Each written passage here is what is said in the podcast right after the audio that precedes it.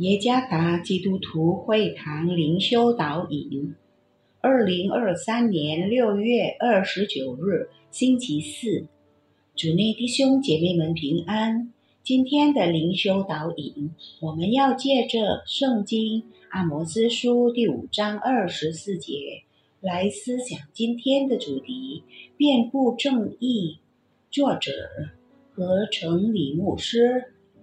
阿摩斯书第五章二十四节：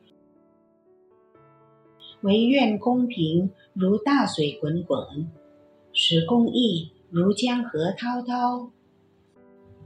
Alex Mortier，一位神学家，写下他的观点：一人就是在神面前蒙称为义的人，努力让生活中的一切关系都变得正常的人。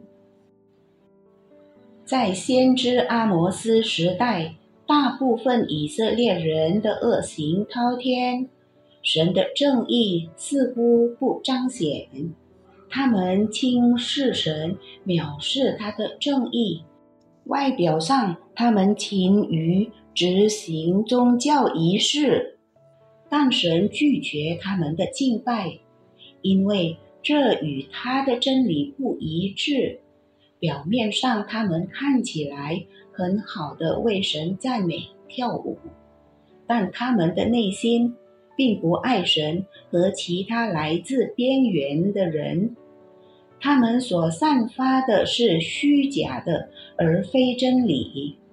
神差遣先知阿摩斯传达他的真理，他希望归转向他的人在生活的各个方面。包括在他们的人际关系中实践真理。这里说的真理是指在日常生活中与神建立正确的关系，例如以怜悯和谦卑的态度在家庭和社会中建立关系。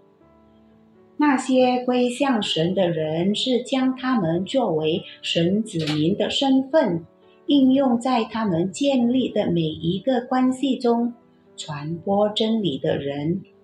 当他们在家或在更广泛的社区时，他们会尊重存在的独特性和差异性，弥补周围人的每一个不足。除此之外，凭借神的智慧，他们在出现问题时说出真理公义。我们在基督耶稣里，并透过从他所领受的神的恩典，改变了我们的身份，成为在他面前被称义的神的子民。我们被真理的圣灵引导，去顺服神的真理。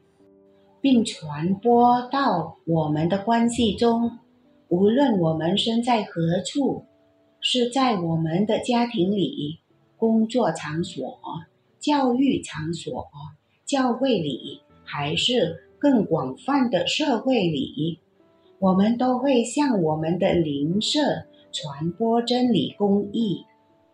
我们要学会尊重存在的差异性。